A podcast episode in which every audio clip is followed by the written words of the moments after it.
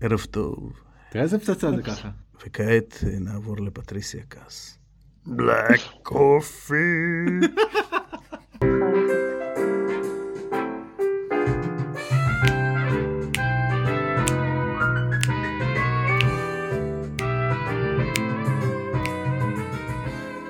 ערב טוב, כי אצלנו זה ערב.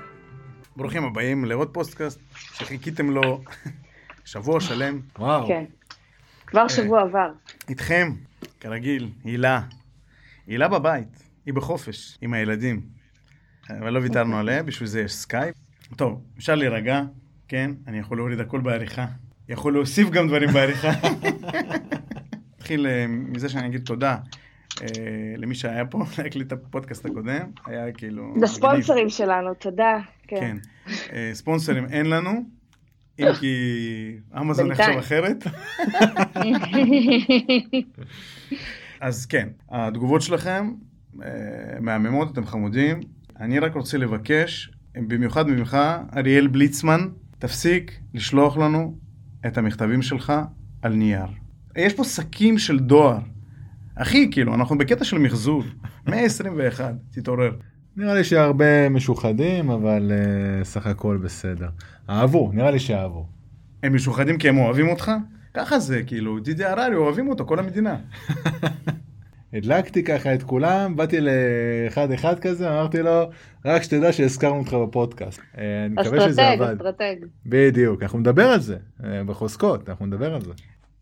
היום, אני חושב שמן הראוי שנספר קצת על עצמנו, שתדעו מי אנחנו, למה אנחנו עושים את זה, מה חשוב לנו, ומה בכלל. אני לא מבטיח שלא נריב, יהיו זמנים קשים. דווקא אז זו הזדמנות לחזק את מערכת היחסים שלנו. בואו נכיר מחדש. אני עושה את זה עם אשתי כל שבוע. כל שבוע מחדש. טוב, מה, ש... שנתחיל? יהודה גלעד, אה, פעם קראו לי ודים, כי אימא שלי רצה לקרוא לי עובדיה, ככה אה, קראו לסבא שלי, אבא שלה, שנפטר חודש לפני שנולדתי, הוא היה גיבור מלחמה, מלחמת העולם השנייה, טייס, שלא זכה לטוס במטוס קרב שלו במלחמה, כי פשוט בימים הראשונים של המלחמה הגרמנים פוצצו את שדה התעופה, והוא התגלגל. אחרי המלחמה רצו מאוד לקדם אותו אה, להיות איזשהו, הוא היה קצין מצטיין, שיבנה איזה משהו בצ- בצבא האדום. ואז הוא, סיפ- הסיפור שמתגלגל במשפחה, שהוא בא ל- לקבל איזו המלצה מאיזשהו אלוף במוסקבה, וחיכה ככה, ואשתו של האלוף הכינה לו מטמטם וזה, שאלה אותו, מה, בחור צעיר וזה, אתה נשוי? כן, ואיפה אתה גר, ואשתך וזה. היא אומרת, אתה יודע שעכשיו, אתה יודע, אתה הולך לקבל איזשהו promotion ואתה הולך להקים איזה, לא יודע, איזה קטע של הצבא האדום באיזה חור, אתה לא תראה את המשפחה, את הבית. הוא ישב שם, ישב, חשב, הסתובב וחזר הביתה. חזר הביתה, הפך לעורך דין, ופשוט עזר לאנשים להתמודד עם מציאות חדשה אחרי מלחמה, ככה זכרו אותו.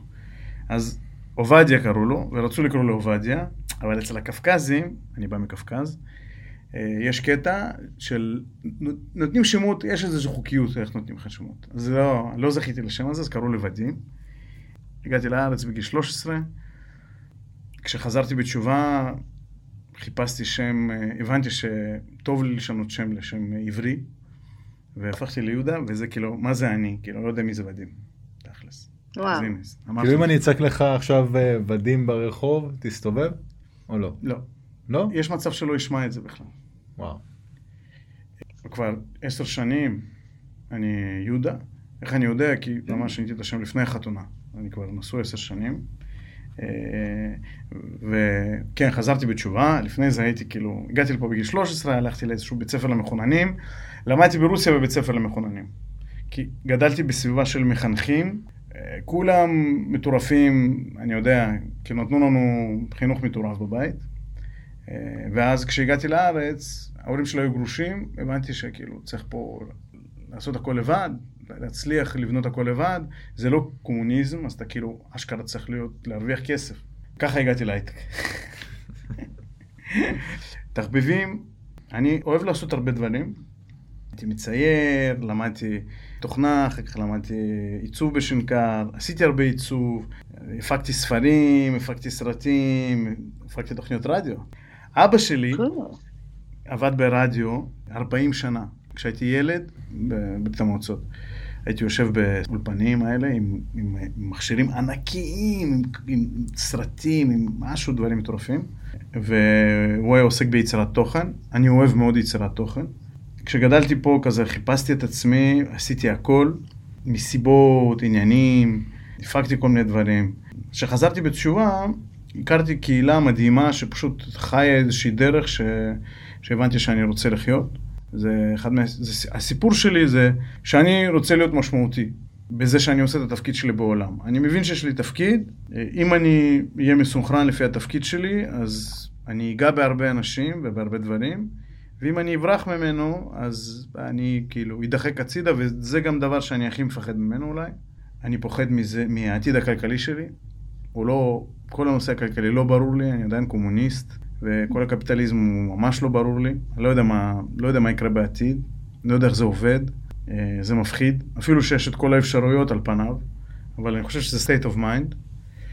אני פוחד מגבולות, ברגע שאני רואה גבול אני יודע שאני הולך לשבור אותו וזה לא טוב. האם אני פוחד מלהזדקן? לא יודע, אולי, כי כאילו, אני מה זה מרגיש ילד כל הזמן, אני, אני לא מרגיש בן אדם מבוגר, אני מרגיש ילד כל הזמן. ואני חושב שאולי זאת בריחה. קריירה שלי לפני 13 שנה, לפני שחזרתי בתשובה, הייתה מאוד ברורה לי, וכאילו הייתי מתפתח בה מאוד מהר, ואחר כך אה, הבנתי שאני רוצה לעשות עוד דברים, והיום לא ברור לי מה קורה לי עם הקריירה, זה גם מפחיד. הבנתי שאנשים כישרונים, ואני אומר את זה לא בקטע מתנשא, אה, אלא אה, אפשר לאבחן אנשים. אנשים כישרוניים קשה להם, כי הם יכולים לעשות הרבה דברים טוב, ואז הם יכולים לא למצוא את עצמם. חלומות שלי זה להיות בקשר מדהים, כאילו חם, עם הנכדים והנינים. זה אומר הרבה, זה לא כאילו קטע חברתי. אני רוצה שבמשפחה שלי יהיה חיבור בין הדורות. שהצעירים שרואים את העולם אה, בצורה חדשה, יראו ערך בקשר עם אלה שרואים את העולם אחרת, הם מבוגרים. חושב שזה אחד מהדברים שחשובים לי. אני, באופן אישי, חשוב לי לתת השראה, לייצר ולפזר הרבה חום של, של ניצוצות שידליקו אנשים להיות יותר ממה שהם. אני אוהב לספר סיפורים בגלל זה. אצלי בחוזקות זה מאובחן בצורה מדויקת ומפחידה, כמו שיוני אמר פעם שעברה. אני מאמין ששיחה יכולה לייצר השראה, לתת ניצוץ שמדליק אש גדולה. אז uh, בגלל זה יש פה את uh, יוני ואת הילה. זהו, יוני. אה, היה, היה מרתק. אני חייב לומר... זרמתי, פשוט כן. כאילו, מדהים. ישבתי בכלא, אתה יודע, באמת. נגיד יש לי מלא שאלות על מה שסיפרת. תקשיב, אוקיי. זה נגיד היה מרתק עכשיו. ממש, השם שלך. אני כאילו, כאילו, אתה כבר התנתקתי מזה שאנחנו בכלל מקליטים. מה, מגיל 13 כבר שעלית לארץ, אה, איך למדת את השפה, איך כאילו תקשרת, איך התמודדת, והורים גרושים? תספר, זה נראה לי, נשמע קצת קשיים, כלומר, אתה מספר את זה מאוד בקלילות כזו. אוקיי, אז אני חושב שבדיוק העלייה הפכה את זה לקסום ברמה אחרת. כי ישראל, באנו במקום סבבה, לא, לא ברחנו ממשהו. באנו במקום טוב, mm-hmm. אימא שלי החליטה לעלות כי היא פשוט ציונית בעצמות, והיא מספרת על זה, זה סיפור שזז במשפחה, זה בן אדם שקשה לה לזוז, קשה לה להחליט, אבל mm-hmm. פה היא אומרת, הייתה לי בהירות כזאת שאני חייבת לעזוב את הכל ולעלות לישראל, וואו. כי כל העם שלי נוסע, אני לא אשאר בלי העם שלי. אומרים שזה כזה וואו. בעצם כמו להרגיש בבית, אתה, אתה לא מרגיש בבית שלך שאתה ב, במדינה ש... כאילו, אמנם זה נשמע קצת מוזר, אבל אתה יודע, כאן זה הבית כנראה. כנראה בגלל זה גם יש את הדחף ואת הרצון לאנשים לעלות פה לכאן בעצם. אנחנו כל הזמן מודדים את הסביבה שלנו ביחס לאיך זה מרגיש כבית או לא. תתייחס לשאלה שלך, כשעלינו לארץ, הכל היה חדש, והיינו ילדים, לא הבנו כלום. כאילו, אימא שלי לבד עם שני ילדים, בן 13 ובת 11, אה, לא פשוט. אבל מצד שני, בשבילנו, הכל היה כיף, הכל היה חדש. ובישראל, מה שראינו, פשוט מציאות של נס. כאילו, כל הזמן ניסים קוראים לך. אתה אומר, וואו, נכון, כנראה מדברים על זה. עכשיו, אנחנו ילדים חילונים, מה אנחנו יודעים? אתה כאילו מתחיל לשאול, מה, מה זה? מה, מה? אני שם יודע שאני יהודי והם גויים, ואגב, אני בילדות קיבלתי מכות על זה שאני יהודי. לא זהו, פעם. זה, זו- זאת בדיוק הנקודה שבאמת אה, הרגשת את זה שם, והבנת שיש לך כאילו מעין מקום מבטחים כזה, ששם אתה תרגיש הרבה יותר בנוח עם עצמך בעצם. מצד אחד. מצד שני, תחשוב שאנשים שם חיים לאורך דורות ארוכים. כן. יהודים בקווקז נמצאים מהגלות כי הראשונה. מבחינתם זאת השגרה אולי. זאת השגרה, ויש להם מקומות מבטחים אחרים. הקהילה שלהם, הכל מיני. גם לעזוב מדינה זה לא כזה דבר שהוא מובן מאליו. לא. ולעזוב מדינה צעד שהיא. מאחורי מסך הברזל, למדינה שהיא מאוד מערבית, כמו ישראל, כן, זה, זה שוק טוטאלי, כאילו. נכון. וואו. אז הייתם ממש אופטימיים, כלומר, אתם אמרתם חוויה, לא לקחתם את זה קשה, זה נשמע שהייתה לכם חוויה ממש טובה. הייתה חוויה טובה, היה אולפן ברוסיה עוד לפני, כי זה כאילו קטע, במיוחד בקווקז. יהודים צריכים לעלות. עלינו לפה, למדנו באולפן, תוך חצי שנה אני כבר דיברתי עברית, היה סבבה. Mm. עשו לי פסיכוטכני, הבחינו אותי, אורצנגלובסקי היה צריך לעשות אז מבחני קבלה, כדי להתקבל לכ- לכיתה ט', היה בית ספר כזה במיוחד. עשיתי, ואחד הדברים שאני זוכר, אהבתי מאוד גיאוגרפיה. אני קניתי את האטלס הראשון שלי מחבר בכיתה א', ופה זה נשמע סביר. אתה יכול לקנות משהו מחבר, כאילו, ברוסיה אין כזה דבר, אין, אין כסף, אתה לא מתעסק, אתה, במיוחד ילדים לא מתעסקים עם כסף. היה לי כאילו, קניתי אטלס. ובאתי לכתוב בוחן בכיתה ט' בבית ספר פה, בגיאוגרפיה, ולא ידעתי איך לכתוב אותו, קיבלתי נכשל. בחיים שלי נכשלתי בשום בחינה. ובבחינה, בבוחן מסכן בגיאוגרפיה, תפסתי את עצמי, ועד סוף השנה, זה היה המחצית הראשונה, הייתי התלמיד המצטיין. פשוט הבנתי שיש לי פה קושי עם השפה, מדהים. אז, אבל הקטע המדהים, שבאמת העירו אותי, זה מה שלמדתי, גיאוגרפיה עברית, זה כלום. אבל מה שלמדתי באמת בשנה הראשונה שלי, שגם הבן אדם הזה מארגנטינה יהודי, וגם זה מארצות הברית יהודי, וגם זה מדרום אפריקה. וזה... מה זה להיות יהודי? שם ידעתי מה זה יהודי. אני יהודי, וזה אלה הגויים. אבל פה כל אלה, מה מחבר אותם? מה זה? שם התחלתי לחפש את עצמי. Mm. זהו. והנה אתה כאן היום. אה, כן. מצאתי את עצמי איתכם. כן. יוני, איך קיבלת את השם? או-אה. מעניין. מעניין כמו יהודה, או קצת יותר? אה, אז ככה, קראו לי לפני זה קרלוס. על שם אה, דודך הטייס. אה, כן, האמת שאני יוני ולא יונתן. זה משהו שההורים שלי ככה מאוד אה, דאגו לעשות. שלא יהיה לי כל פעם את התיקון הזה שאני צריך לעשות לאנשים. אה, כן, זה נגיד יוני, ואז אה, רשום כאילו יונתן, אה, את המשחק הזה. למרות שבזה אני יונתן, כן, כאילו, נגיד סבתא שלי מאוד נלחמה על זה שיקראו לי יונתן. וההורים שלי הלכו על יוני בסוף, והיא עד היום בעצם קוראת לי יונתן, היא לא ויתרה. אז אז לא חסכו את המריבה לא, לא. של היוני. לא. אוקיי. אז ככה, האמת. אני מאוד מאוד סקרן לשמוע את הסיפור של יוני, כי הוא בן אדם מאוד בולט. בולט. תרתי משמע, הייתי. לא, לא, בולט, נוכח, עם נוכחות, מצד אה. אחד, מצד שני, מה זה לא מסגיר על עצמו פרטים? כאילו, לקח לי חצי שנה לדעת שחלק מהרזומה שלו זה מיליון וחצי צפיות ביוטיוב. די, נו, די, תמשיך. לא כל אחד יש לו פה מיליון וחצי צפיות ביוטיוב. טוב, מה, אני אספר קצת על עצמי? יאללה, לך על זה. כן. אה, אז אני יוני מוסרי, בן 28, חולון, ראשון לציון, אני גם לא סגור על זה עדיין, אני מדלג בין אה, שני הערים. אה, בגלל התדמית של חולון? איפה שצריך אני אומר אה, ראשון לציון, איפה שצריך אני אומר חולון. לא, סתם, אה, מחכה ל- לבית, שיהיה מוכן. אה, נשוי פלוס אה, אחד, אה, מרום, שהוא אה, בן שנה. מרום, יפה. כן, האמת שזה שם שאיך ששמענו כזה, זה ישר אה. נסגרנו, ננעלנו עליו. בגדול, אה, מבחינת התחביבים שלי, אז כן, די אמרת, אני... הייתה לי תקופה אה, יפה וחשוכה אה, בתור אה, די-ג'יי נקרא לזה, אני קורא לזה יותר עורך מוזיקה. לא, לא הייתי קורא לזה די-ג'יי, כי לא הייתי הולך לאולמות וכאלה. אבל כן הייתי בעצם מתעסק המון בעריכה. העליתי ליוטיוב, דבר תפס תאוצה, לא ממליץ לכם לשמוע, אני לא חושב שזה כזה מעניין.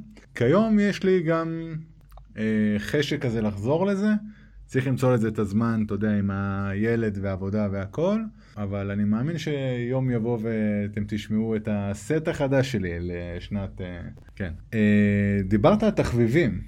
פלייסטיישן זה התחביב, כאילו גיימינג זה התחביב מספר אחת שלי. כאילו לא אין משהו חשוב שאני אוהב. בעולם הזה יותר מזה.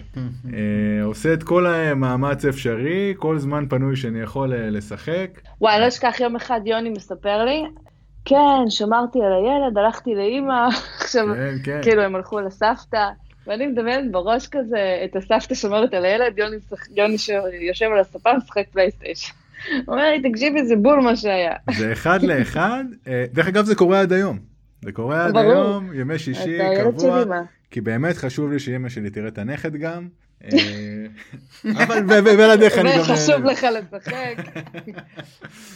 פיפא, מי שמעוניין יכול אה, לנסות אה, ולאתגר אותי. אה, יש את שגיא, שגיא הבנתי שהוא גם שחקן. לא, לא להעביר לי את הזמן. בסדר, אה, שגיא. הבנתי. סתם, סתם, שגיא אוהב אותך. הדבר השני שאני ככה מאוד מאוד אוהב, זה נטפליקס. אה, נכנסתי לנטפליקס אה, לפני שמרום נולד. אמרתי, אני חייב להספיק, אני, יש לי מחסור תמידי בסדרות וסרטים. כל דבר שמדברים איתי, הדברים הכי הכי הכי מובן מאליו שראית, לא ראיתי. אה, ואז אמרתי, טוב, משחקי הקט. עכשיו אני כבר ראיתי.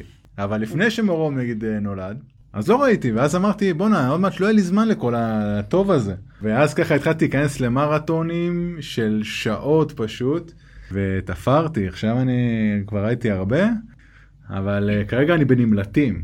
נגיד נמלטים לא ראיתי, ואני עכשיו, uh, אני בא עם ההתלהבות לאנשים שראו, והם לא מבינים מה אני כזה, כאילו, בסדר, זה יצא לפני 12 שנה, כאילו, מה אתה מדבר איתנו עכשיו על זה? אז אמנם אני לא רלוונטי בזה, אבל כיף לי. אה, מה עוד היה לנו? דיברנו על, אה, דיברת גם על הישגים. וואו, הישגים, אה, אני חושב שזו השנה עם ההישג הכי גדול שלי, דווקא, אני לא מדבר כרגע על מקצועית, אני מדבר על בריאותית. אוקיי. אה, עברתי באמת שנה קשוחה. התחלתי מה שנקרא, גם אמרתי בפודקאסט הקודם בעצם, של, שהייתי במצב של האפס, של ה... בתחתית של התחתית. ברגע אחד, הרי אתה בחור צעיר, אתה אומר לעצמך, בוא, אני בן אה, 27, 8, מה הדאגות שלי בחיים? לא, לא, לא חושב על זה, על הדברים האלה, כל פעם אומרים לך, אתה יודע, בריאות, אה, חשוב, תעשה ספורט, לצורך העניין יש לנו את אה, דורון, שהוא באמת... אה, איש ה- איש הברזל. איש הברזל בדרך. בדרך אנחנו מחזיקים לו. אצבעות לדבר הזה, אה, ואנחנו נארח אותו פה חד משמעית. בטח. אה, באמת אה, בן אדם אה, מעורר השראה, וגם אה, לי יצא כאילו בעצם אה, לדבר איתו. כל נושא הבריאות וכולי, ותמיד תמיד נמנעתי מזה, תמיד אמרתי כאילו, לא יודע, טוב לי איפה שאני, אפילו שהתחילו בעיות כאילו בריאותיות כאלה ואחרות. אז עברתי הרבה עם זה, כאילו, הייתי כבר במצבים לא טובים, כאילו, זה לא היה רק תרד כדי שתרגיש עם עצמך יותר בנוח, זה לא עניין אותי אפילו. זה פגע לי בהמון דברים, באיכות חיים, ושם כבר עשיתי לי cut. אה, ומשם בעצם יצאתי למחקר שהוא לא נגמר דרך אגב עד היום. על איך אני בעצם מסדר את הנזק כביכול שגרמתי לו. שיגעתי כל אחד ואחד במשרד בתהליך הזה. זה באמת אה, חלק מזה גם שזה עזר לי יותר להתמודד עם זה. כי באתי ממצב שאני עושה מה שאני רוצה. אני אוכל מה שאני רוצה, אני לא, לא חושב על הדברים האלו, ואז זה היה שינוי ברגע. כאילו, כי זה היה אם לא זה, זה, זה התחיל ללכת לכיוון של אה, ניתוחים ודברים כאלה, והבנתי שאין דרך חזרה. כאילו, זה הכל או כלום. אה, אז פתאום לשנות הרגלים זה קטע, זה לא כזה פשוט. או אתה צריך סיבה מספיק טובה, או אתה צריך את השיטה המדויקת, כי אתה לא מוכן סתם לזוז. בקטע הזה, אתה היית השראה מטורפת, והילה לפני זה היא באה קצת לפניך לצ'ק, כאילו הילה זה כמו סערה, כאילו, שבאה ועיצבה מחדש את החוף. את הזכרת את הנושא של היוגה, ולא סיפרת שכן היה יוגה. ולא רק. זה, היה גם פק"לים בשלוש.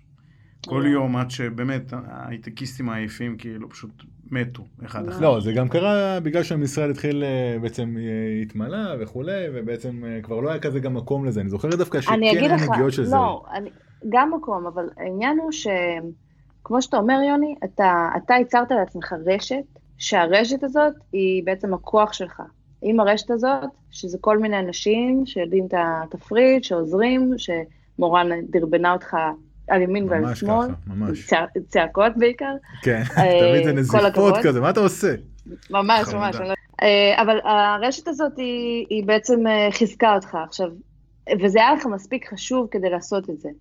ואנשים, נגיד סתם דוגמה, נתת דוגמה את הבטן, שזו דוגמה טובה, יהודה, זה היה ביומן של כולם, וכולם בהתחלה התחילו והגיעו, ולאט לאט זה דח. עכשיו, למה זה דח? כי באותה שעה ישיבה, ובאותה שעה דליברי, כל מיני דברים, החיים. מירב אה, נתנה לנו את, ה, את, המוש, את המשל הזה של האבנים הגדולות, ומי שלא מכיר, אה, שיקרא את זה, כי אין לי כוח לספר, אבל בעצם אה, הבריאות העצמי, הבריאות הפיזית שלנו והבריאות הנפשית שלנו, זאת וואחד אבן גדולה, שהיא חשובה, לפי דעתי הרבה יותר מכל הדברים, ויוני שם אותה, קודם כל, למעלה. הוא שם אותה בעדיפות ראשונה. רובנו שמים אותה בצד, אגב, לרוב. אנחנו נכון. שמים את הדברים החשובים האלה בצד. אני חושב שאני הייתי ממשיך לשים אותה בצד, אם אה, לא היה לי ממש ככה חובה. כאילו זה, זה, זה בא ברמה של אין, כאילו אין, אין מצב שאני מתעלם מזה, כאילו זה כבר היה כל כך ירידה באיכות החיים, שלא היה לי דרך אפילו להימנע מזה. איבדת את כן. החופש שלך. במידה ומצד. שני זה מה שמניע אותי. כן. כאילו גם שעכשיו הייתי בחו"ל ואמרתי טוב יאללה נתפרע קצת, כשחזרתי פחדתי מאוד שאני אפספס את זה. וכשחזרתי נכנסתי כל כך ב- באמוק לדבר הזה עוד הפעם, כי בגלל כל מה שעברתי ואיך שעברתי. אז זה באמת תהליך של חמישה חודשים, אני לא יכול להגיד קלים, אה, אבל הם גם לא כאלה קשים. ואני מאוד מאוד שמח עליהם, הורדתי המון. אני יכול לומר, ככה, זה משהו שלא סיפרתי אה, עדיין אה, לאף אחד. כל פעם שאלו אותי כמה הורדת, חשיפה. כאילו זה שאלה מסקרנת. אה, נכון. אז הורדתי מעל 30 קילו, וואו. וואי, וזה גם מתחבר עכשיו לעוד תחביב חדש, אה, והתחביב הוא בעצם אה, בישול. בעקבות הדיאטה הזאת, התחלתי לבשל לעצמי את האוכל, ואני אוכל אך ורק אוכל שאני בישלתי. בוא נגיד ככה לפחות רוב הזמן. 80 אחוז זה אוכל שאני מבשל לעצמי, בדגש אני. אני לא נותן לאף אחד אחר, אפילו שאשתי או אימא שלי אה, רוצים אה, לעזור לי עם זה, אני עדיין, אה, מה שנקרא, דואג להכין את האוכל הזה לעצמי, כי אני מאוד נהנה מזה. למה? וזה- כדי שלא... אה, כי אתה נהנה או כי אתה מפחד שיש שם דברים שאתה לא רוצה שיהיו? זה התחיל מזה שרציתי לדעת בדיוק מה אני אוכל. בכזאת אה, רמה בעצם פנאט בדיאטה הזאת אני קורא לזה. אוקיי.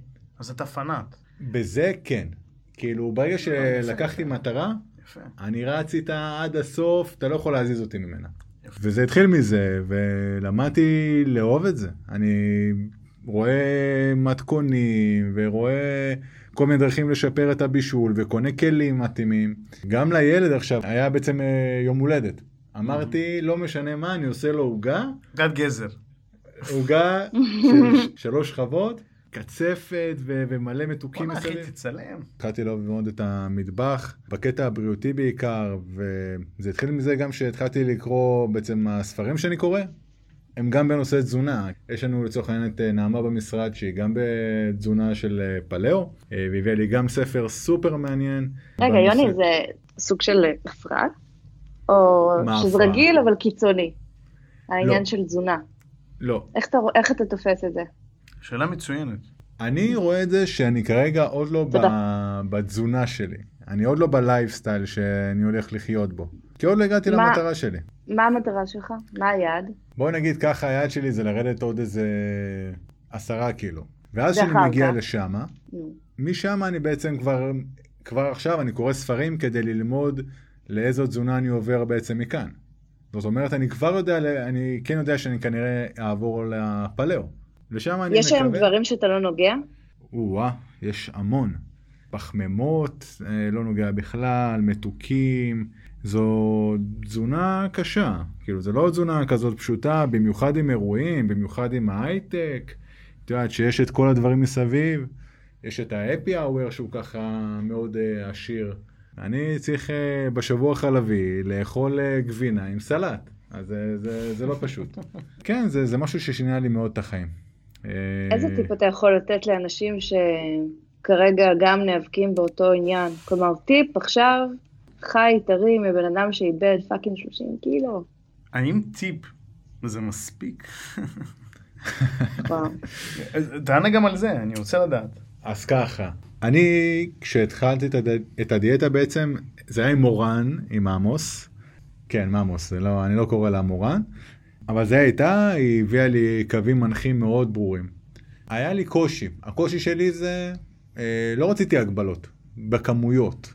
כאילו אמרתי, אין לי בעיה, תני לי עכשיו אה, סלט ירקות עם אה, גבינות או עם בשר, תלוי באיזה שבוע אני, ואני יכול באמת להסתדר עם זה.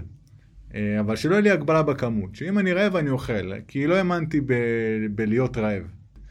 יש אנשים שתתאים להם דיאטה יותר שהיא כוללת יותר ספורט, וכוללת, אה, לא יודע, פחמימות כלשהם. הדיאטה הזאת התאימה לי ממש כמו כפפה ליד. מהמם. מתי אתה מבשל? גם עם ארום, גם עם עבודה, גם עם אה, פלייסטיישן. גם עם נטפליקס. מתי אתה... אז זה מתי מאוד אתה פשוט. כשאני חוזר, אה, מקלחים את הילד, מרדימים, ואז אני שם, אה, מכין מה שמכין, שם בתנור או בגז וכולי, ואז רואה פרק בנטפליקס, או משחק בסוני. אז אה, כאילו תשע עשר אתה מבשל. כן, כן. אה, אני יכול לומר גם שיוצא לי גם בשתיים בלילה לפעמים לסיים, וכן. בגדול אני רוב, רוב הזמן אה, ישן מאוד מאוד מאוד מאוחר, כאילו, אה, אני לא רואה את עצמי לפני אחד הולך לישון. אתה, אני יודע, יהודה, שאתה קם מאוד כן. מאוד מאוד מוקדם, שזה בקטע. קיצוני לכל אחד אה, ש, שנגיד לו. זה הכל עניינים של הרגל. אני, פשוט יש לי כל כך הרבה דברים להגיד על מה שאמרת. כן. בנושא של בישול שאני רוצה להתייחס, אני מה זה מתחבר. אני אוהב לבשל. אני חושב שאותי זה פוגש במקום של לתת השראה, לקבל השראה, לפנק. אתה כאילו צריך לדמיין באיזה טעמים ומרקמים וריחות וצבעים הולך לפנק עכשיו מישהו. ברור לי שאי אפשר לבשל בלי מצב רוח. ברגע שאני שם את הסינר ואני מתחיל לבשל, אני עושה סוויץ', לא משנה אפילו אם אני חווה משהו קשה מבחינה נפשית, אז אני מתקשר לאשתי כשאני עוד בדרך הביתה, אני אומר לה, טוב, תגידי לי מה צריך לבשל, פשוט תגידי לי מה, אני מגיע הביתה, אני מתחיל לבשל. ואז אני נכנס למטבח, ואני יכול להכיל את שגרת הערב. יש לי שלושה ילדים, בחלום שלי זה כאילו ילדים שצריך לחנך אותם כ wunderkinds כאלה, ולתת להם home schooling וזה, אבל אני מה זה לא שם. וזה יוצר אצלי קונפליקט, אבל כשאני מבשל, אני מרגיש שאני בצלחת שלי, תרתי משמע. שעכשיו אני עושה בשבילם, אני אפנק, אני אביא את הדמיון שלי, את היכולות שלי, אני אספר, כי אני יודע שהם לא אוכלים כלום, או אוכלים רק מה שנראה להם.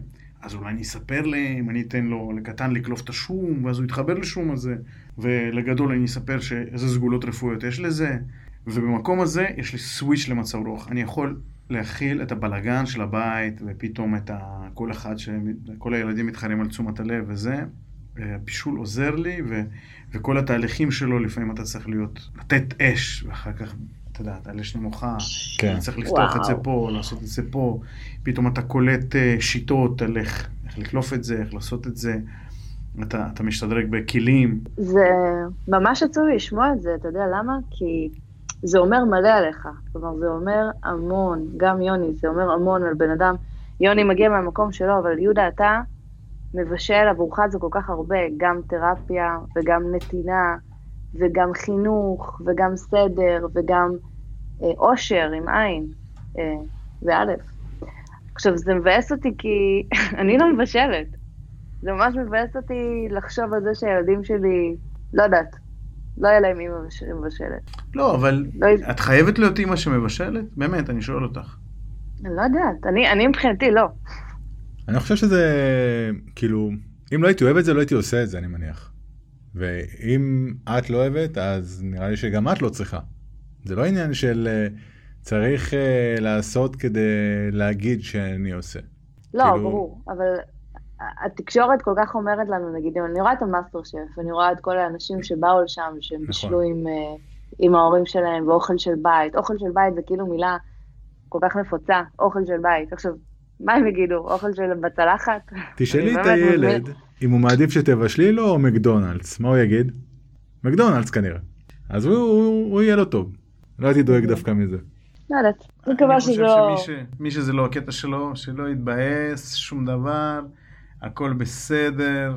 חוץ מזה שאין אני לא יודע מה אומרים, אוכל של אמא, אוכל של אמא, לא, סתם, אני יודע, אני, כאילו, זה בשביל הקטע. אבל אבא, אבא תמיד מבשל יותר טוב. תלוי אצל מי. בדיוק, תלוי אצל מי. אז מה, נכון. תהיי לחוצה. חוץ מזה שלא שמענו את הסיפור שלך בכלל. אולי יש לך קטע עם אוכל. נראה לי זה אני, זמן כן. מעולה לשמוע את הסיפור שלך. אז אני, אל תחסכי אה, פרטים, טוב? הכל. הכל. אין אין הרבה. זה... אה, את יודעת מה, את- את תזרקי משהו ואנחנו נרים. בדיוק. וואי, זה נשמע טוב. אמ, אין הרבה, כאילו באמת, אתם מדברים פה על דברים ועל שמות וזה, אני בחורה מאוד פשוטה. אמ, גדלתי בבית אה, פשוט, אף אחד לא היכה את אף אחד, אה, הורים נשואים, למרות שהם אה, נשואים, אבל אה, אתה יודע, לא, לא ממש ביחד. חיים חיים, חיים מתחיים. אז אה, שני ילדים ברחובות. אני חושבת שדיברנו על הישגים, ואתם אה, באמת מדברים פה על דברים שהם מאוד גדולים. אני חושבת שההישג שלנו כמשפחה, אני ובעלי, כרגע זה באמת הבית שאנחנו בונים. אני רואה בזה הישג כי אתה עובד כל כך קשה, אתה כל הזמן עובד, עובד, עובד, עובד, עובד. אה, ואני באמת בקריירה כבר המון שנים, ואני לא עוצרת להסתכל רגע אחורה ולהגיד, אה, וואו, איזה כיף, איזה יופי, זה מה שהשגתי. כלומר, גם חופשות וגם דברים כאלה, אני לא עושה הרבה בשביל עצמי. אה, אני לא יכולה להגיד שאני חיה חיים לגז'רי, אני לא מאלה שנוסעים הרבה לחו"ל, אני לא מאלה ש... לא יודעת, יקנו מכונית חדשה, אני לא יודעת, לא, אנחנו לא כאלה. ופתאום אנחנו קונים בית, אה, קונים דברים לבית, בונים אותו, ואתה כאילו עומד ומסתכל, אתה מרשה לעצמך ככה להגיד, וואלה, כל הכבוד, איזה כיף. זה, זה זה. אני חושב אז שבאמת, זה. כאילו בית ו- ו- וילדים זה... ילדים, כן. כאילו שמסתכלים על זה, זה פשוט כאילו, וואו. אה, זה חלק משמעותי ו- וצעד ענק שעשיתי בחיים שלי. קודם כל ילדים זה נס, לא פשוט להביא אותם לעולם, לא פשוט לשמור עליהם בחיים, וזה באמת נס, ילדים זה נס וזה הישג גם גדול שלי. אה, אני עוד לא רואה את זה כי הם פשוט נודניקים, אבל כנראה שהם יהיו גדולים, סתם כפרה עליהם, תקצרי את הפירות. ממש. לא, כן. גם עכשיו, ילדים טובים, אני אוהבת אותם, אין לי ברירה. אה, כי שאלתי, אי אפשר. כן. אי איך אפשר שאת אישה. גדולה, את צריכה שמסביבך כולם כבר היו גדולים. כאילו, את כבר. את כבר, את כבר אלופה, את רוצה איך להיות בחדר, לתכנן? עם הסגני אלופים, את כאילו, אין לך מה לדבר עם וואו. חפ"שים. תקשיב, אני, החלום שלי זה ילד בן 22. זה היה החלום שלי, שכאילו אחרי צבא, כבר מסודר. כן, אין מה לדאוג לו. הרי כן. ילד בגילאים האלה, כאילו בוא נגיד ככה של אה, שנה, שנתיים, שלוש, כאילו אין רגע אחד שאפשר להיות איתו ולא לראות מה הוא עושה. לדאוג מה את- הוא עושה. אז אני אספר, השבוע היינו בגליליון, גליליון, גליליון, איזשהו בית מלון כזה בצפון. עכשיו, מקום פלצני כזה, אני באה לקבלה וזה, וליד הקבלה יש בחורה חמודה בדלפק עם מלא ברושורים ופעילויות, ואני כזה ממש בתום לב, ואני שואלת, "אה, תגידי, איפה אפשר לזרוק את הילדים ותשמרו עליהם? והיא מסתכלת עליי, "אה, אין לנו כזה שירות. איפה אני שמה אותם ואני אקבל אותם כשאני יוצאת מהמלון? זהו, עכשיו הרגשתי כבר לא נעים, הסתכלת במבט כל כך כאילו ביקורתי, אבל אני אומרת, God damn it, אני בחופש, איפה אני יכולה קצת אה, שמישהו ישמור עליהם, אז אה, היא אמרה, לא, אין לנו, אה, אבל אם היא הייתה אומרת כן, הרווחת בייביסיטר. בדיוק? לא, אני בעד, אני עושה אותו דבר. אותו אם אתה הדבר לא קופץ. למים, אתה לא תדע. מה עשית בצבא? אני מפעילה טאמרים, או בבקשה. נהגת טאמרים. הפכת נאמר? חברה שלי הפכה. האמר הראשון בצה"ל שהפכו אותו, אוקיי, זה הישג, כן. זה הישג. כן. אוקיי. אז עכשיו הפודקאסט שלנו הוא, הוא, הוא שם דבר, כי למעשה, האמר הראשון שהפכו בצה"ל, זאת הייתה בחורה, חשיפה. וחברה שלה זאת הילה. לא לחינם את כוכבת. עכשיו, אני כאילו, כפי שאני תופס אותך פה בצ'ק, את נכנסת לפה, היינו קטנים, כמו, לא יודע, כמו סופה, והרמת מסביבך, מה זה אימפריה? את יכולה לספר רגע, ככה, לתת לאנשים הרגשה, גבולות גזרה של מה שאת עושה מבחינה מקצועית, ו- וכמה זה גדול? אז תראו, באמת, אה, אני התחלתי עוד בתקופה שהיו שמים לי אה, Post-it על המקלדת, אה, אני צריך asset הזה והזה, אימרי.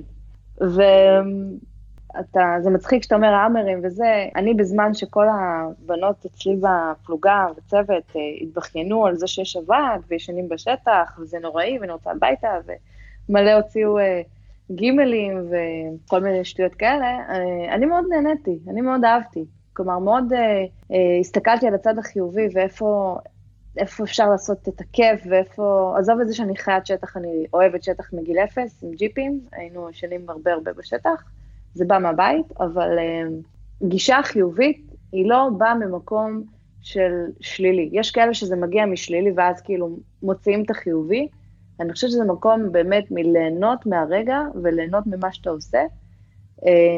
כשנכנסתי אה, לצ'אג, אה, זיהיתי בעצם את, ה, את הפוטנציאל, את המקום, ואז אתה מתחיל לבנות, כלומר, אתה מתחיל לראות איפה אפשר לעשות דברים בצורה טובה. עכשיו, בצבא באמת נהייתי מפקדת של אה, פלוגת בנים, ועד היום כאילו יש לי חיילים ש... כבר לא חיילים, מילואימניקים, ושולחים לי הודעות, וזה באמת היה קשר, אה, אגב, הרבה היו קפקזים מטורפים, כיפים כאלה, וזה היה קשר כיפי, ובאמת ההשפעה, איך שאתה אמרת, יהודה, להשפיע, אני חושבת שגם אני אוהבת להשפיע, אבל ההשפעה שלי באמת מגיעה מאפקט הפרפר. כלומר, אתה בא, נותן, ואז אחר כך שומעים את זה בדיעבד.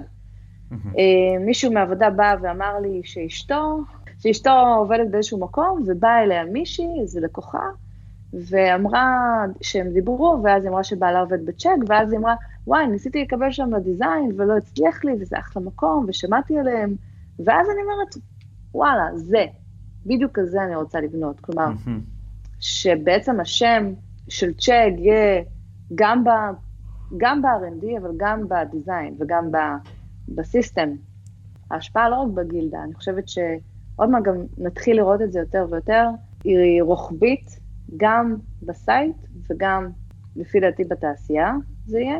אצלנו כרגע הסיסטם מתחיל להתגבש, עם גל ועם כל הצוות שבעצם עבדו על ה-shared UI component וליצור design system שהוא סליק, ויוני שמביא כל פעם אה, הברקות עם אנימציות ולנצל את הפלטפורמות. אה, בדיוק דברים כאלה, כלומר, זה שהדיזיין לא רק חובק את עצמו ואומר, אנחנו מובילים ויודעים, אלא משתפים פעולה עם כולם. אצלנו כל אחד הוא מעצב, וככה יוצרים דברים טובים. ההצלחה שלי זה הצלחה של הצוותים, זה לא הצלחה של ה... זה בעצם השאיפה שלי, כלומר זאת האימפריה, במרכאות. כשהיית בחופשת לידה האחרונה, זה mm. לי באופן אישי, היית חסרה. המעצבות, אז זה היה רק מעצבות, ואז שגיא הצטרף, היו כמו ילדים בלי, בלי הורים, כאילו, זה היה, הם היו אבודים. ואמרתי, יואו, מתי הילה תחזור? כי כשבאת, כשהתחלת לגייס את הצוות, בהתחלה, בהתחלה דיברת על לבנות מערכות. ו- וזה לא רק עיצוב, זאת אומרת, איך עיצוב אה, עושה את הפרופגיישן לפלטפורמות השונות, איך יוצרים שפה אחת. וגם היום, כשאת מנהלת משהו, את הכי לידרית, את כבר שם. את רואה את החזון, את מבינה, נכון, בן אדם מסוים או מישהו שעובד איתך יכול להיות תקוע על איזשהם דברים קטנים, את כבר רואה מעבר. הרבה מאוד מזכירה לי את שחף. נכון. אוקיי, איך מתגברים על זה? זה... כי חבל שזה יתקע אותנו. בואי נפתור את זה, אם לא ככה, אז בואי נפתור את זה אחרת. בואי נהיה שם, בואי נלך, בואי נתקדם.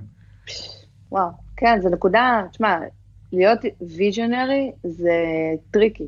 זה באמת אה, tricky, כי אתה צריך לא רק לראות את העתיד, אתה צריך גם לראות את הכאן ועכשיו. אני חושבת שאחד הפידבקים אה, מהצוות שלי, זה באמת שאני הרבה ב vision, ואנחנו בונים את הכאן ועכשיו. הכאן ועכשיו זה מאוד אה, טקטי, כלומר, הוא אה, גם אסטרטגי, כן? אבל הוא הרבה הרבה לבנות את התשתית הנכונה ו-UI kit, ועכשיו הבאנו את אלונה שהיא בעצם תהיה community owner, שיהיה לנו בעצם איזשהו אה, בן אדם שיסתכל רוחבית על הכל ויהיה אחראי על, ה, על ה tool kit ועל ה brand. אז אנחנו בונים את זה. תשמע, אגב, שאמרת שלא הייתי, זוכרת שבאתי לבקר, טלי אמרה שבאמת אה, היא צריכה אותי, ולי אמרה, אה, ושחזרתי שחף כל הזמן אה, ציין, אני ממש שמח שחזר. אה, זה, לא, זה לא מדד טוב, by the way. עכשיו, שניכם אני רוצה לשאול אתכם, לפני שאני עובר לסקשן הבא, מה, מה החלומות? זה לצאת לפנסיה, לקום שבע בבוקר, לשתות את הכוס תה שלי במרפסת, עשיתי את שלי. כאילו... פנסיה? שגרה מביאה לך שלווה. ואתה. רוצה שיהיה לך שלווה. כן. הבנתי. עד שאתה מביא לי מטרה, ואז אני לא אראה בעיניים. Hmm. כן. זה, זה, אז בעצם כל השאלה זה מתי אתה מוכן לצאת לפנסיה? כי כאילו, זהו, אין אה, מטרות חוץ מהכוס תה. אצלי לימדו אותי, הכי מאוחר שאפשר. Mm, אוקיי, אז אולי המטרה היא לצאת לפנסיה הכי מאוחר שאפשר. כן. כי אני חושב שעבודה זה דבר חשוב. אני חושב שחשוב לעבוד, מעבר לעניין כלכלי. כן. זה גם דוחה אלצהיימר. יש אה, דברים שמאותתים כאילו הולך להיות בדרך, אבל... אה, תשמע, פעם שעברה שהיה לך אותות, אתה עשית מהפך בחיים. כן. אז אה, זה, זה באמת עניין של התייחסות. לפני שאני שואל את הילה, אני רוצה להגיד בנושא הזה של העבודה וחשיבות, דיברת לפני זה על תחביבים, ואני חושב שהנושא של התחביבים צריך הגדרה מחדש בדורנו, כי פעם בן אדם, הייתה לו את האומנות ש... What do you make for a living? והיום זה כזה שונה, כי אתה יכול לעשות הרבה דברים for a living, כמו בבריאות. האם בריאות זה רק בריאות של הגוף, או בריאות גם של הנפש? גם לעשות את הפוסט כזה זה for a living. החיים שלי לא שלמים בלי זה. אז מה זה תחביב? האם כשאני מבשל זה תחביב שלי? רק בגלל שאני אוהב את זה? או שאני צריך להשקיע בשביל זה איזה שהם משאב, משאבים מיוחדים בשביל לקרוא לזה תחביב? האם יש מקום למשהו שנקרא תחביב בימינו? כן, הילה, בבקשה, חלום שלך. מה דבר שבלעדיו את לא מוכנה ללכת מהעולם הזה? Hmm. אני חושבת שחלומות אה, משתנים מגיל לגיל. לא יודעת, האמת, אני לא חושבת שיש לי חלומות. שזהו, אבל בגדול החלום היותר אמיתי זה לחזור לטבע. מה זה אומר? אולי בית קרקע, כזה חצר, אה, אפילו חצר שהיא כזה פונה ליער או משהו כזה. חיים שלווים. להסתכל למעלה, כן, להסתכל למעלה, לראות כוכבים, אתה יודע, בעיר לא רואים את הכוכבים, נכון. אבל uh, מקום, אתה יודע, ששומעים שקט, מושב כזה, להסתכל למעלה, לראות כוכבים, שהילדים או הנכדים ישחקו בטבע, בדברים, אתה יודע, כמו שאנחנו היינו משחקים למטה, לא ב... ואז, אתה יודע, להיות גבורה מתחת לאדמה, זה בכלל טבע. איזה בן אדם זה. שלווה, אני חושב שזה כאילו מוטיב חוזר. חשבתי על מה זה שלווה בחמש שנים האחרונות, והבנתי שהגדרת השלווה בשבילי זה שאני יודע שמה שאני עושה עכשיו זה הדבר האמיתי לעשות. שמה שאני עושה, אני חי לפי איזשהו אה, מדד עקרוני שאני מסכים עליו ואני מוכן לשלם עליו. וזה מפגיש אותי עם החלום שלי. אני, אני, אני רוצה לעשות את התפקיד שלי בעולם, אני רוצה להיות צדיק. מה זה צדיק? שם את עצמו בצד כשצריך, ועושה את מה שצריך בשביל אה, משהו גדול, מחד, ומאידך, בכל דבר פרטי, כל רצון פרטי, הוא מבטא גם כבר משהו גדול. להיות מחובר למשהו גדול ולהיות מועיל. אם זה אומר לכתוב ספר, זה מגניב, אבל זה לא חלום, כן? אני, בחלום שלי, אני צריך לכתוב 20 ספרים, או לא יודע מה לעשות. תתחיל עם פודקאסט. אבל uh, להיות משמעותי ולהיות שלב מזה. וואו. מה זה להרגיש משמעותי? זה, זה בדיוק השלווה הזאת. אני עכשיו עושה משהו שזה הדבר הנכון בשבילי לעשות. ואז נשאלת השאלה, מה נכון בשבילי לעשות? מה זה נכון? מי שיגדיר לי? האם הנכון בשבילי הוא הנכון האבסולוטי והוא נכון לכולם? או שיש נכון בשבילו ונכון בשבילי?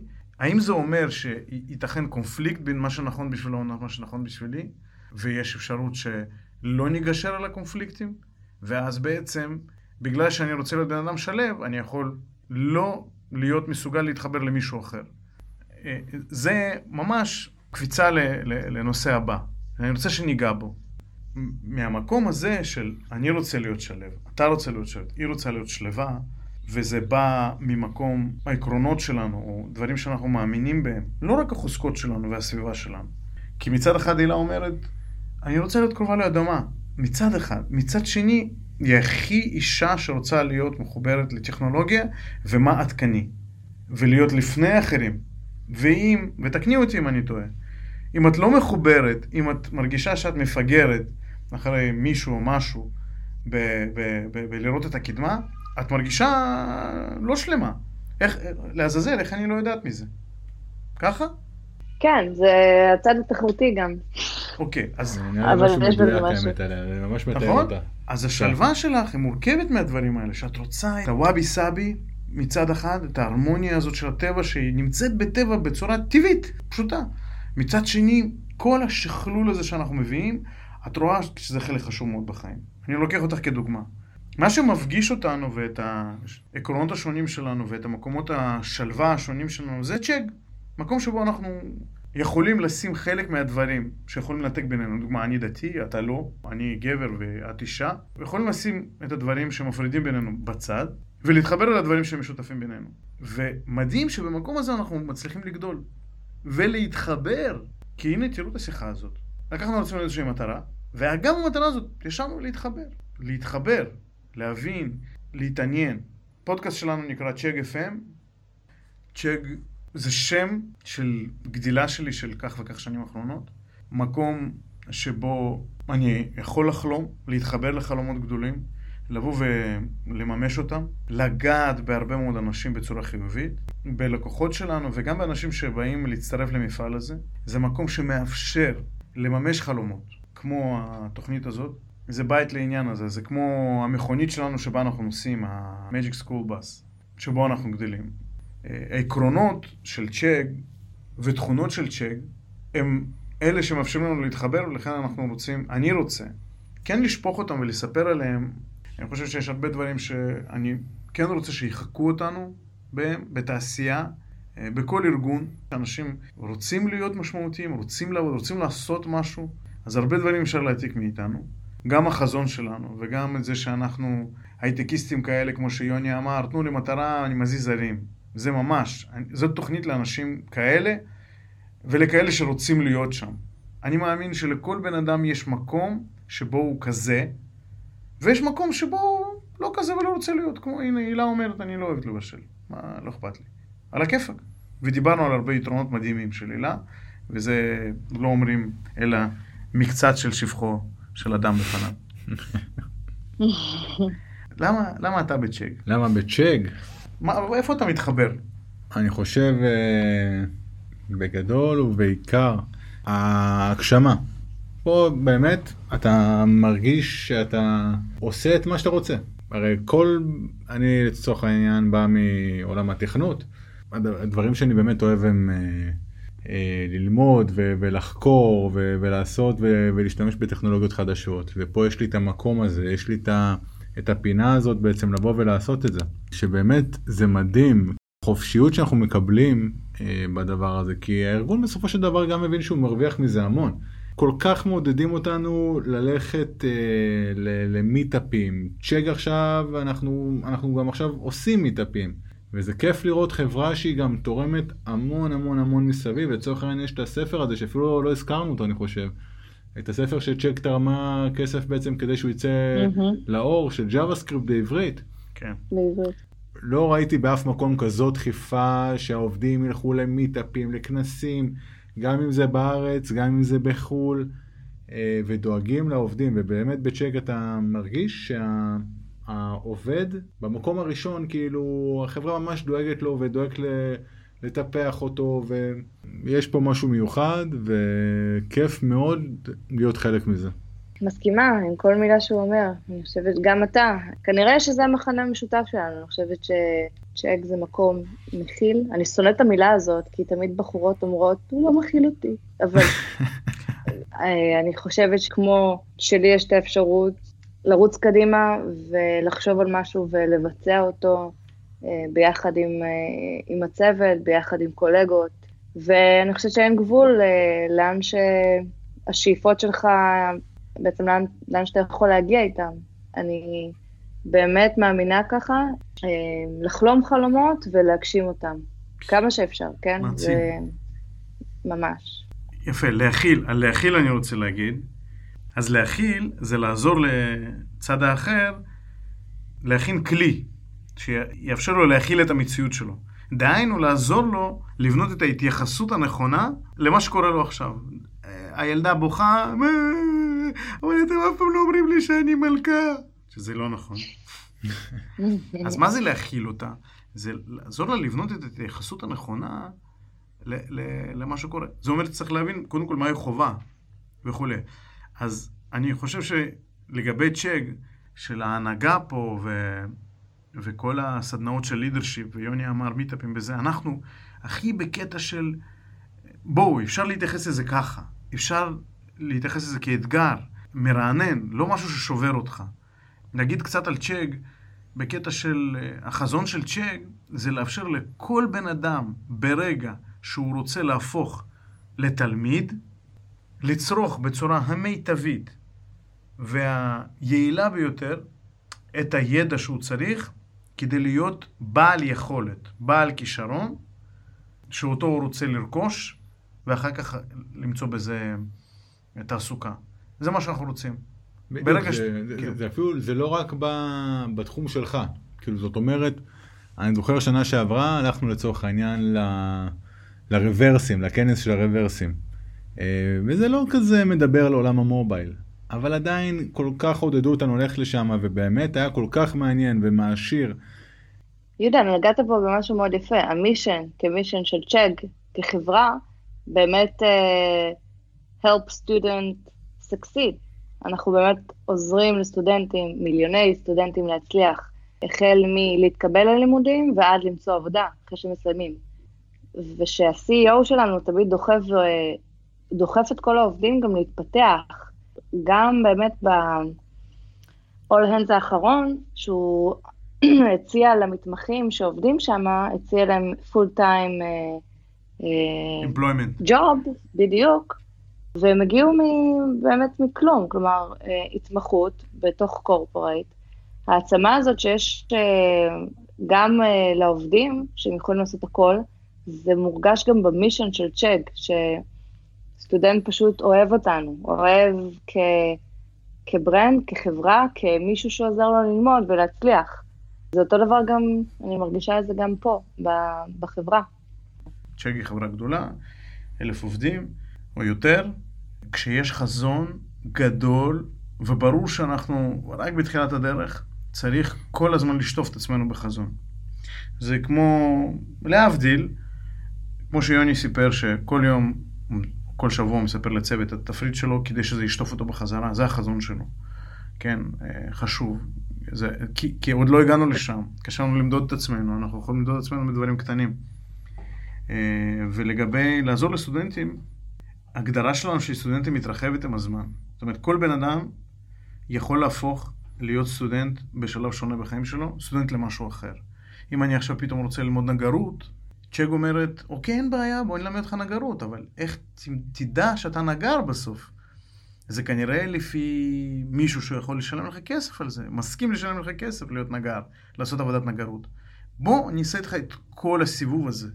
בשביל זה אני צריכה לדעת מי אתה, מה אתה יודע ללמוד, במה אתה טוב, מה אתה לא יודע, איך אני, מה אני יכול ללמד אותך. האם בשביל לעשות את העבודה הזאת אני צריכה לתת לך הסמכה מסוימת? זאת אומרת, לוודא שאתה יודע לעשות דברים מסוימים וכולי. האמצעי והקלף החזק ביותר של חברה שלנו היום בעבודה הזאת הוא זה שאנחנו יודעים מי זה אדם הזה או הישות הזאת שנקראת סטודנט, תלמיד. מה הכי כואב לו. אנחנו אלה שיודעים מה קורה עם קבוצת הסטודנטים שקשה להם ביותר בעולם, סטודנטים אמריקאים. ויש מה לדבר על זה. קשה להם, קוראים אותם, המדינה שלהם אוכלת אותם. התוצאות שלהם הם לא משהו בכלל, והם לא מצליחים למצוא עבודה, הם לא מצליחים להתקבל לאוניברסיטאות. זה נורא נורא נורא יקר. והם שואלים את עצמם כבר עשרות שנים, האם בכלל שווה ללכת לקולג', שזה פצע מדמם של חברה, של לאום, אוקיי? וזה מה שקורה בארצות הברית. אה, ולקחנו את הקבוצה הזאת כקבוצה שאם נלמד אותה, נדע מהם הבעיות של סטודנט. או מישהו שעכשיו משקיע את ההגיוני והבלתי הגיוני כדי לרכוש השכלה, שזה סטודנט אמריקאי. חלק מהקבוצה הזאת זה גם אנשים שעובדים בצ'ק, כי הם רוצים ללמוד. הם רוצים ללמוד כל הזמן ולהתפתח, ואנחנו, יש לנו אנשים בחברה שעובדים אה, עשר שנים ויותר, יש לנו אנשים בחברה שעוברים אה, מתחום של, אה, מתחום אחד לתחום אחר ועוזרים להם. כי זה הכי הגיוני שבן אדם שהיה מנהל את QA ורוצה עכשיו לפרוץ לתחום ה-user experience, שזה בכלל בכלל לא פשוט, אצלנו אנשים עובדים מאוד מקצועיים ואנשים בעלי ניסיון, אז היא לא יודעת, היא צריכה ללמוד. כן, נכון. וטוב לכולנו שניחשף לתהליך הזה של למידה. האם בן אדם שעכשיו רוצה ללמוד, אנחנו נזרוק אותו, או שאנחנו נעזור לו ללמוד? הרי זה מי שאנחנו. וזה מה שמעצב אותנו, רק רציתי להגיד את זה, כי לי זה מאוד חשוב להיות חלק מזה. ורק בעניין הזה אני רוצה להגיד משהו חשוב וקצר. שחף, תודה. הילה, הכנת בדיחה? אה, כן, אבל אה, אופי לא טובה כמו זאת הקודמת. הקודמת גם לא הייתה משהו. אה, אוקיי. סליחה, יוני, meet me at the pool. אה, אוקיי, אוקיי, אוקיי, אוקיי, זה הולך כך. איש אחד, איש אחד הולך עם מקל על הראש. ואז פוגש אותו בחור ברחוב, ואומר לו, תגיד, מה, אתה עם מקל על הראש? אז הוא אומר, אני יודע, זה מקל עליי. או... אני לא אכבד את זה בתגובה ווקאלית. אם היה לי עכשיו אוקיי, גיף, אוקיי, הייתי. מחפש. משהו. לא, תחתוך את זה, יש לי עוד אחת. אוקיי. אוקיי. היא ביקשה לחתוך. את זה. איש אחד הולך אה, ברחוב עם תפוח אדמה על הראש. אז רואה אותו מישהו ואומר, אה, תגיד, מה, יש לך תפוח אדמה על הראש? אז הוא אומר לו, כן, אני כל ימי אה, ראשון ורביעי, אני הולך עם תפוח אדמה על הראש. אז האיש אומר לו, אבל אחי, היום יום שלישי. אז הוא מוריד ואומר, אופס, פדיחה.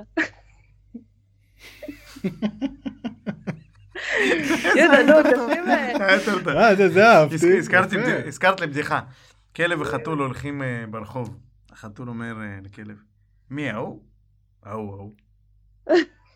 אוקיי. אוקיי, בסדר. אורייט. אה, טוב, מה אנשים יכולים לצפות מהפודקאסט הזה? מה יהיה פה? בכלל. כאילו? צחוקים. משהו שיהיה כיף אה, לשמוע בזמן הנסיעה הביתה. הופה, שזה מה? זאת המטרה שלי קודם כל. נשמע לי אה. טוב. אה, אני, גילוי נאות, אה, שאני בדרך הביתה, אני המון פעמים שומע ביוטיוב, אה, אה, הייתה תקופה מאוד ארוכה שהייתי שומע בעצם רבנים, אה, גם כדי להכיר קצת יותר, אה, וגם כי נהניתי מזה, היה לי ממש נחמד לשמוע את זה, כאילו, לי, קיבלתי משם המון תובנות. יש לך. רבנים אה, מומלצים? אולי. תוך פינה בתוכנית. יש אני מריח פה פינה בתוכנית. יש איזה רבן, אה, רבן בנטפליקס? אבל אה, כן, יש, יש. אה, אני כן. הייתי רוצה פודקאסט כשאני מקפלת כביסה. להעביר הופה. 45 דקות, בדיוק. בזמן קיפול. יפה. אז אה, 45 דקות. מה מה אוקיי. היית רוצה לשמוע ב-45 דקות האלה? מה כאילו, איזה, מה חסר לך בחיים? מה חסר לי? וואו, המון חסר לי בחיים. חסר לי אה, צחוק, חסר לי good times, חסר לי אה, בדיחות טובות, כמו אנשים עם תפוח אדמה על הראש. חסר, חסר. אוקיי, אז את רוצה uplifting, משהו כי זה... uplifting, כן, הצלחות, ספר על כן, ההצלחות. כן, בדיוק. אוקיי, אוקיי, אוקיי. לקחתי את אשתי לדייט שלשום. אממ. היה כיף. אה, זה יופי. לא, סתם. אה, אני מרגיש שהשיחה רק התחילה. אוקיי, אוקיי. אה, לשמוע? פלייליסטים מעניינים בספוטיפיי, כאילו לקבל המלצות על מוזיקה, היה- זה היה מעניין. אמ, גם לא, כי אין לי מתי, אני גרה שבט אני תמיד הייתי רוצה כאילו לקבל אה, נגיד אה, סדרות מומלצות. או, מעולה. זה כן. יכול להיות אחלה. אה, אז הילה, יש לך זמן לסדרות? זה מה שאת אומרת? סדרות, רבנים מומלצים, אמ, זה היה יכול ממש לעניין אותי. אין Mm. לי זמן לסדרות, אני רואה, אני אני הולכת לישון בתשע, אם אין לי פגישות בערב אני נרדמת, אני מרדימה את הילדים ואני נרדמת. חזקה, אבל, אני אה, מקנא בך. אין לי זמן לראות טלוויזיה, אני רואה מאסטר שף ומתבאסת. זה שאני לא מבשלת, אולי את לא צריכה. לראות מאסטר שף. ממש. טוב, אה, אז אה, כן, אז מי, אז מי אתם רוצים להביא ל... מתי אתם חושבים שאנחנו צריכים אה, להתחיל אה, להביא פה אנשים לראיונות? אני אומר פעם הבאה כבר אפשר להביא. מה, מה, את מי הייתם? אנחנו מוכנים? אני לא יודעת, כן? וואו, זהו? זה גם מה שאני שואל. מה את אומרת? זה- צעד אני גדול חושב שכן. אה, אתם רוצים להכניס משהו- עוד מישהו? אני אומר בואו נעשה פודקאסט אה, בנושא, כאילו טכנולוגי ממש, כאילו פעם אחת ככה ניגע בזה, נתחיל לגעת בזה. אוי, יוני, אתה כל כך מדבר שטויות. תקשיבו, אני אומרת, נעשה כזה דבר. הבן אדם. שמכין לנו הכי הרבה קפה, במהלך השבוע, אה, נו זה קל, דורון. זה מנהיגה. דורון. זורקת פה אתגר לכל החברה. רגע, מאזינה רגע. לפודקאסט הזה. הרגע הוצאת את קקוליקי הביט שלך. ממש לא. לא, היא אני התכוונה... פשוט, אה, אה, דורון יש לו קטע. הוא אה, אף פעם לא מסכים עם איך שאני מכין לו את הקפה. אה. כאילו לא משנה כמה אני אשים לו, אני כבר לא מסתכל. אני אשים לו, הוא אומר לי שים כפית, אני שם כפית, הוא אומר לא, שמת יותר מדי. שם לו פחות, שמת פחות. אה, אז בקיצור, את יודעת. אני לא, נתתי לו פשוט את ה... את ה ownership על זה. אז הוא מכין לך קפה כל כל יום בעצם. כל יום, שעה שלוש, קבוע. אה. ואם לא, אז אנחנו מאוד מאוכזבים אחד מהשני. Mm. אם אתם שים- בעניין, אתגר, אתגר. נגע בכם, ריגש אתכם, תפנו אלינו, תגידו לנו שאתם רוצים להשתתף. אם תתאימו, נקבל. אם אחרי התוכנית הזאת אנשים לא מאבדים אה, כאילו כל עניין כאילו להשתתף בתוכנית הזאת. אנחנו נראה בסטטיסטיקה, אתה יודע. אנשים שנשארו. כן. רגע, שמנו- Google Analytics על ה shit הזה? יש לנו, יש לנו אנליטיקות. אה, אותי יהיה מעניין דווקא? בליצמן, לא? בליצמן הוא דמות אה, בליצמן רעננה. חייבים המון לייסר אותו. לייסר אותו. הוא צריך לחכות חצי שנה ולבכות ולהתחנן, וכל פעם לשאול מתי אני, מתי אני, מתי אני. אין, אתה לא יכול, זה כאילו, לוותר על זה? יהיה לו בשביל מה לחיות. וואי, אני חושבת שמאור. מאור? המאור מאור. לא מוכן. מאור, אה, הוא לא מוכן לחשיפה. הוא לא, אבל אבל מה הפודקאסט שלכם? אתם מדברים על אנשים אישיים וזה לא לא בטוח. זה החיקוי של מאור שלך? סוג של... היה לו מבטא רוסי, נכון יוני? הוא עושה מאור לא, לא, רוסי זה לא- כזה. אני- זה לא חיקוי טוב. אחי, אם אין במאור משהו רוסי כזה, משהו... איפה רוסים? לא, מאור? או, משהו... מה עם אביתר? מה עם אביה? אני חושב שהוא צריך לשלוח לנו בוואטסאפ הקלטות של קטעים של דוגמה שיחה עם אבא שלו. איך יש שם וואי, על מה יואו. לדבר? כן, היסטרי. לא, אבל זה ל-30K users plus. כן, כן. יש לנו עוד דרך לא ארוכה, אבל אנחנו לא עוד. מעט שמה. יהודה, על כמה אנחנו כמה עומדים אנחנו עכשיו? 24? על- על- על 30 כמה- אלף. על כמה פולוורס אנחנו עומדים עכשיו? 12K? מעולה. יפה וואו. מאוד. הילה, אני שמח על החשיפה שלך במיוחד.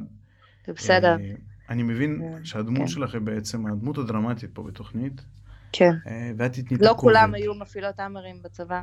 לא. לא, עזבי, זה החלק היפה בחיים שלך, אבל... אה, אבל הקושי, התסכול, החושך, הלוחץ, הערבים, שאת כבר בתשע רוצה לברוח לשינה, לעולם החלומות, כדי לא להתמודד עם העולם אה, הזה. יוסי סייס נהיית פה. ציפורי לילה. ערב טוב, לילה טוב. אה. הכבישים שוממים ורטובים.